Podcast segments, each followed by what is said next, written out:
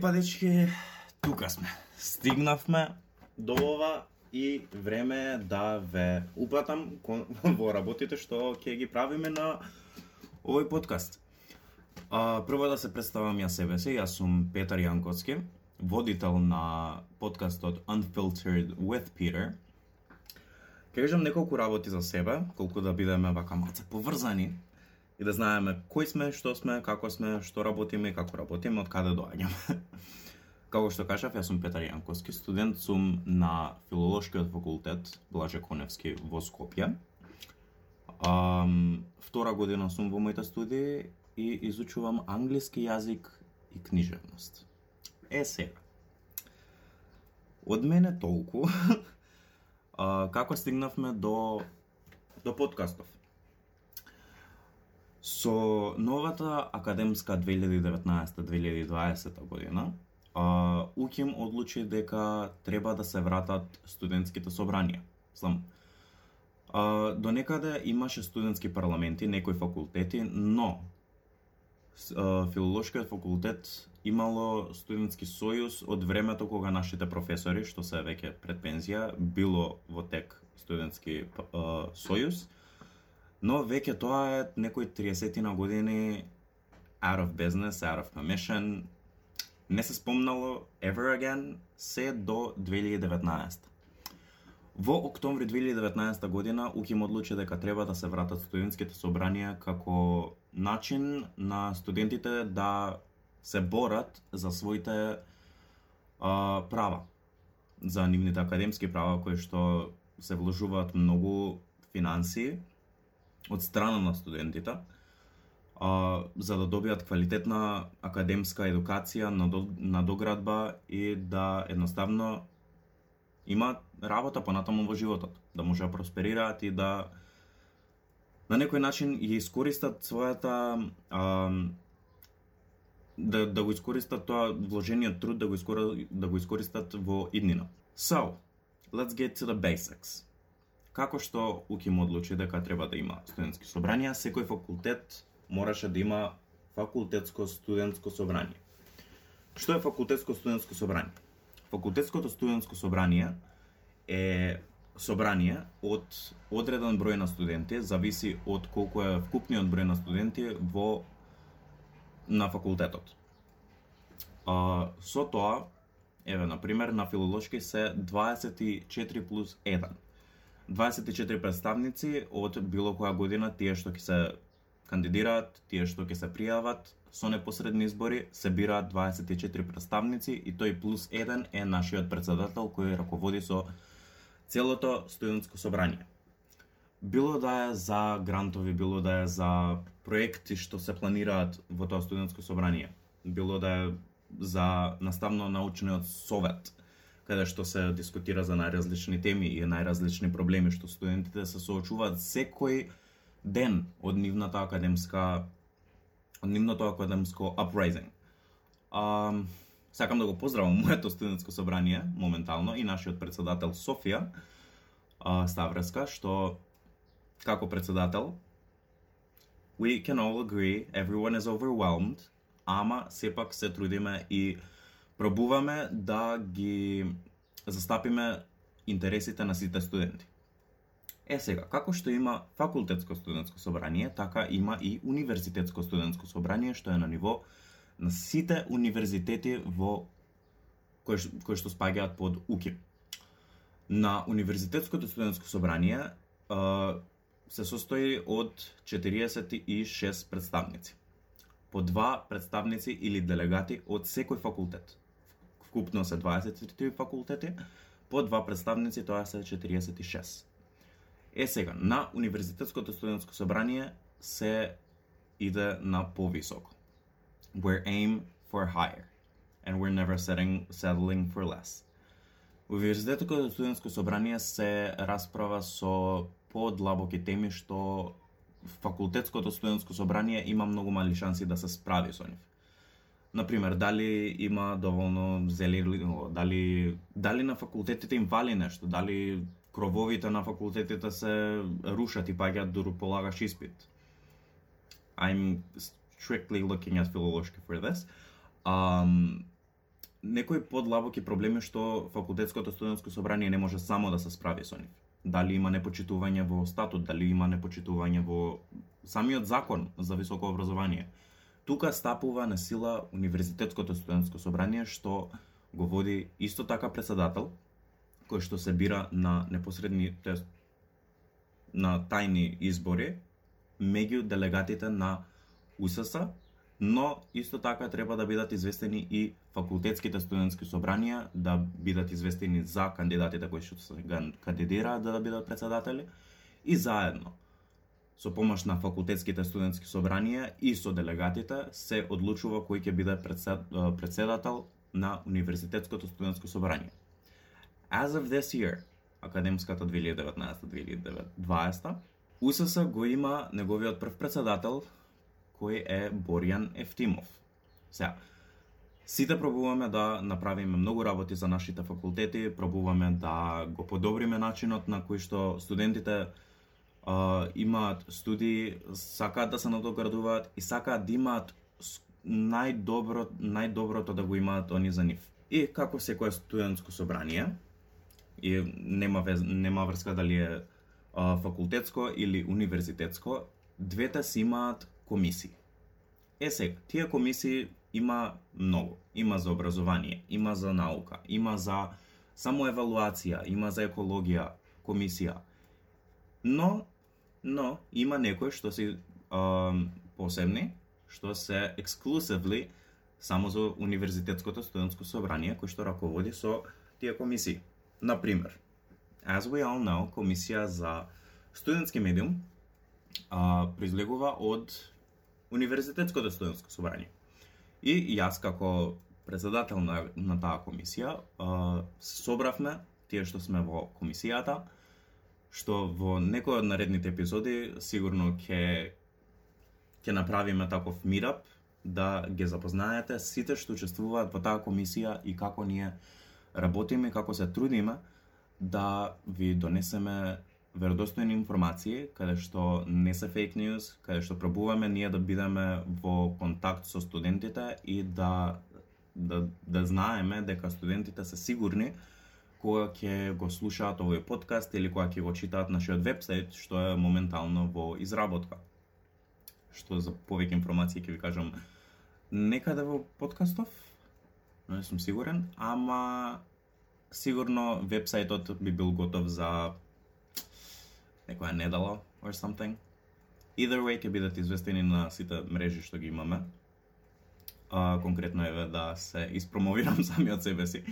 Uh, Unfiltered with Peter. Таму ќе се објавуваат работи, ќе се објавуваат подкасти, ќе се објавуваат подкасти од моите колеги што исто така направија подкаст, се вика Јустинијан збори, which is politically based. Избегав малку темата.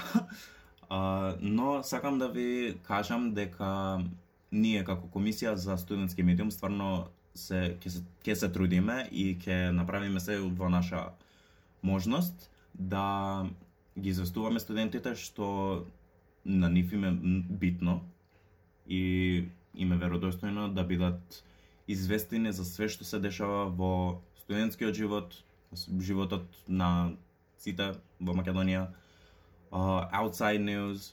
Basically ќе бидеме како вести. Ама поголемиот дел ќе биде за студентите. Е сега. Let's get to the part за Unfiltered with Peter.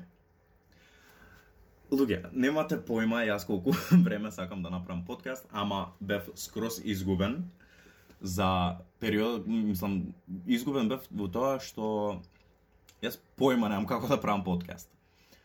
Но допред некое време, мојата бруцочка година, I think, беше, uh, имавме лектор дојдено од Америка и she was amazing. I really want to give her a shout out to Alyssa Brady, who was a lector in my college.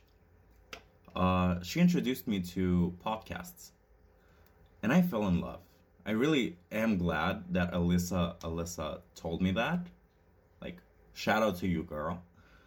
Um, значи, мојата љубовна приказна со подкастите почна во мојата прва година, 2018-2019.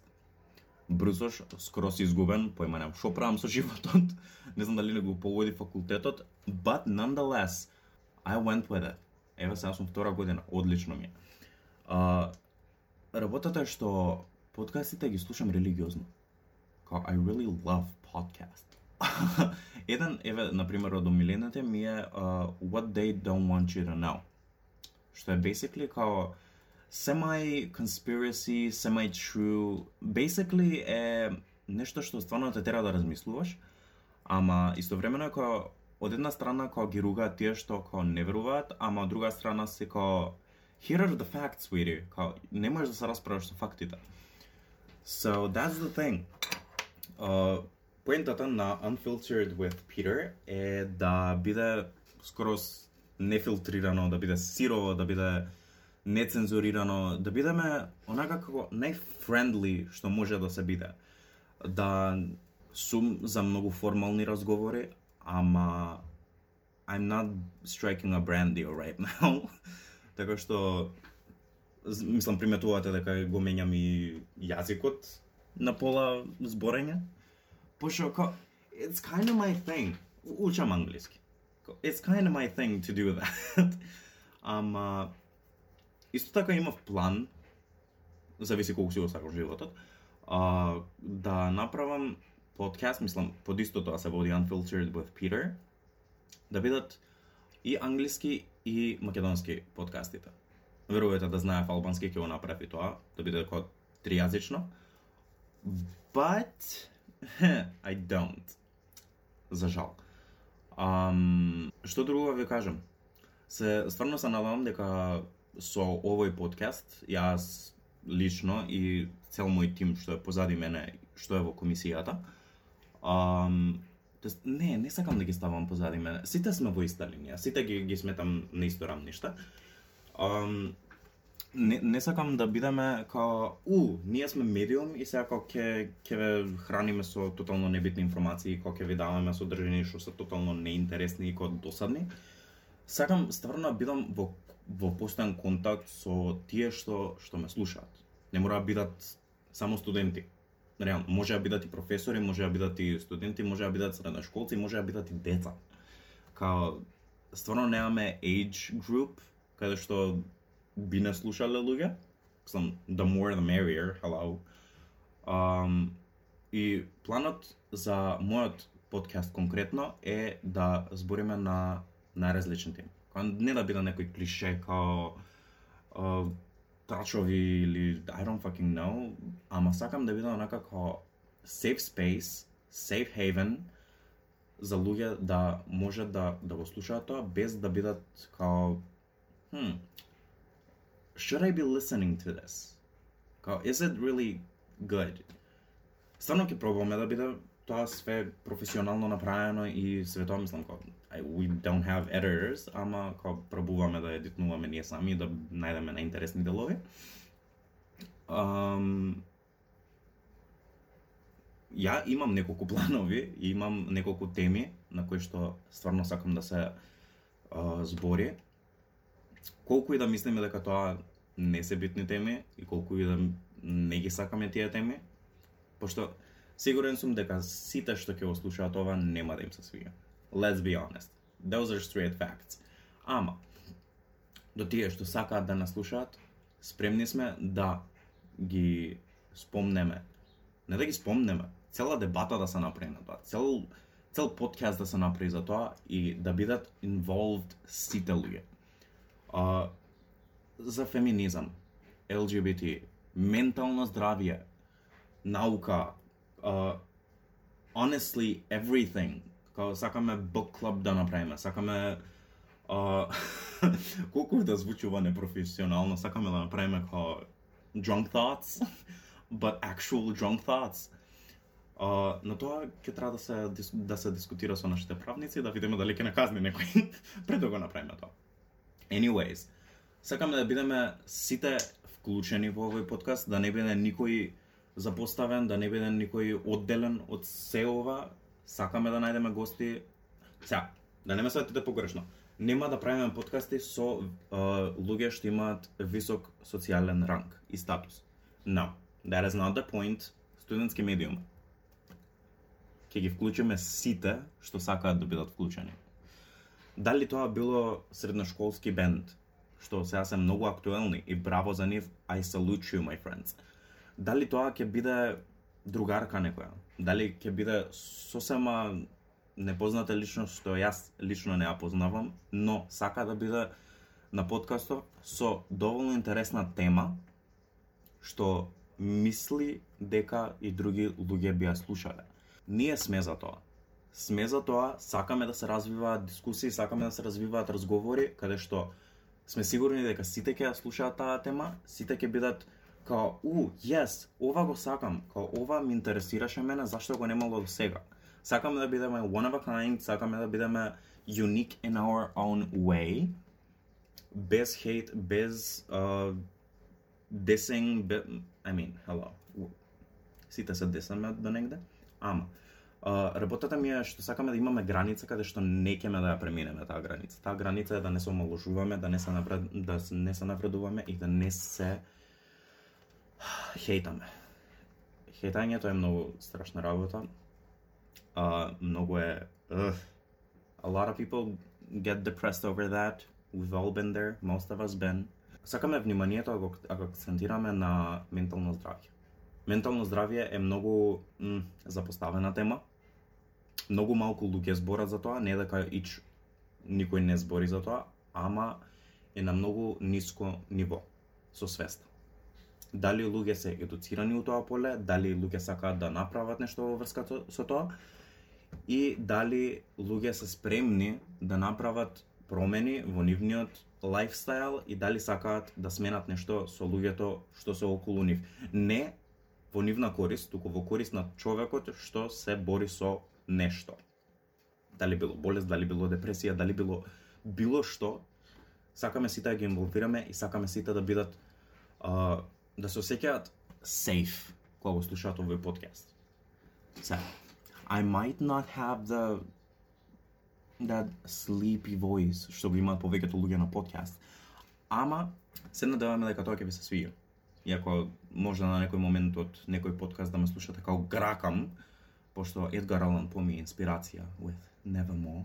But nevertheless, uh, basically тоа сакам да ми го кажам, пошто стварно сум hyped за целиот овој проект, цел немате појма, немате појма колку колку сум среќен што конечно имаме подкаст, што конечно може креативноста да да се влее некаде, а да не биде за џабе Ко, толку е интересно, толку е фан. Сам, со само со луѓето што што се соработува моментално, што се во комисија, што сигурно ќе дедикейтнам подкаст за нив, пошто сме сте mm, love that. Um, сите имаме различни искуства, тоа е нај, тоа е тоа е најинтересниот дел. But nonetheless, со овој uh, со ова интро на подкастов што е 20 минути, uh, сакав само да ве известам за тие работи.